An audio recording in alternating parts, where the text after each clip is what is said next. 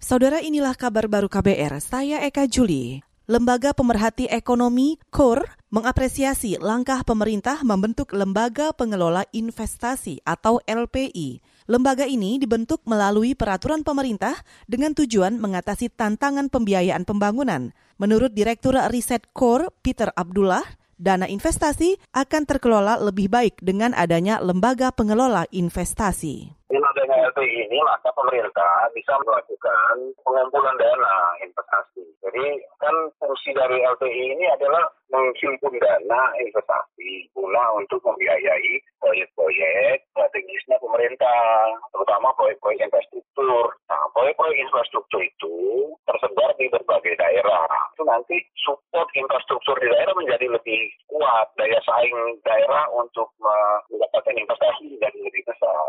Direktur Riset Core Peter Abdullah menilai lembaga pengelola investasi akan mendukung perkembangan daerah. Dengan begitu, dana investasi yang dikelola oleh pusat tidak menghilangkan kesempatan daerah memperoleh manfaatnya, sehingga pertumbuhan ekonomi daerah pun bergerak positif. Kita ke soal FPI. Front Pembela Islam atau FPI dan Persaudaraan Alumni 212 akan berunjuk rasa di sekitar Istana Negara Jakarta hari ini. Aksi digelar untuk menuntut tewasnya enam anggota FPI dan penahanan Rizik Sihab. Mengutip antara news, Polda Metro Jaya menyatakan tidak memberi izin untuk aksi demo bertajuk Aksi 1812. Juru bicara Polda Metro Jaya, Yusri Yunus beralasan izin tidak dikeluarkan lantaran protokol kesehatan pencegahan COVID-19 melarang adanya kerumunan orang. Ia juga menegaskan polisi bakal menggelar operasi kemanusiaan jika sampai ada kerumunan massa. Polisi juga bersiaga di perbatasan untuk mencegah peserta aksi memasuki Jakarta. Kita ke Papua.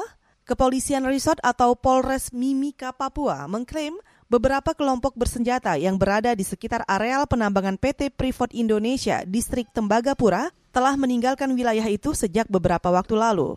Kapolres Mimika, I Gusti Gede Era Ardinata mengatakan mereka berasal dari beberapa kabupaten di sekitar Mimika, di antaranya Puncak dan Puncak Jaya. Saat ini kelompok KKB yang sebelumnya masuk ke wilayah Tembagapura semua sudah kembali ke wilayah masing-masing. Tentunya butuh tanggung jawab kita bersama dan mari menolak pergerakan-pergerakan yang mengganggu keamanan.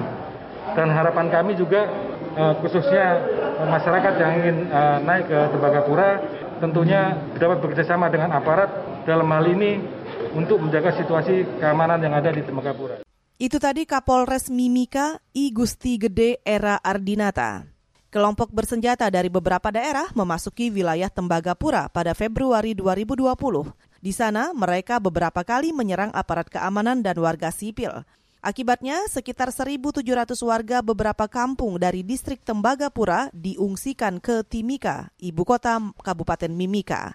Sebab warga khawatir menjadi korban konflik bersenjata. Demikian kabar baru, saya Eka Juli.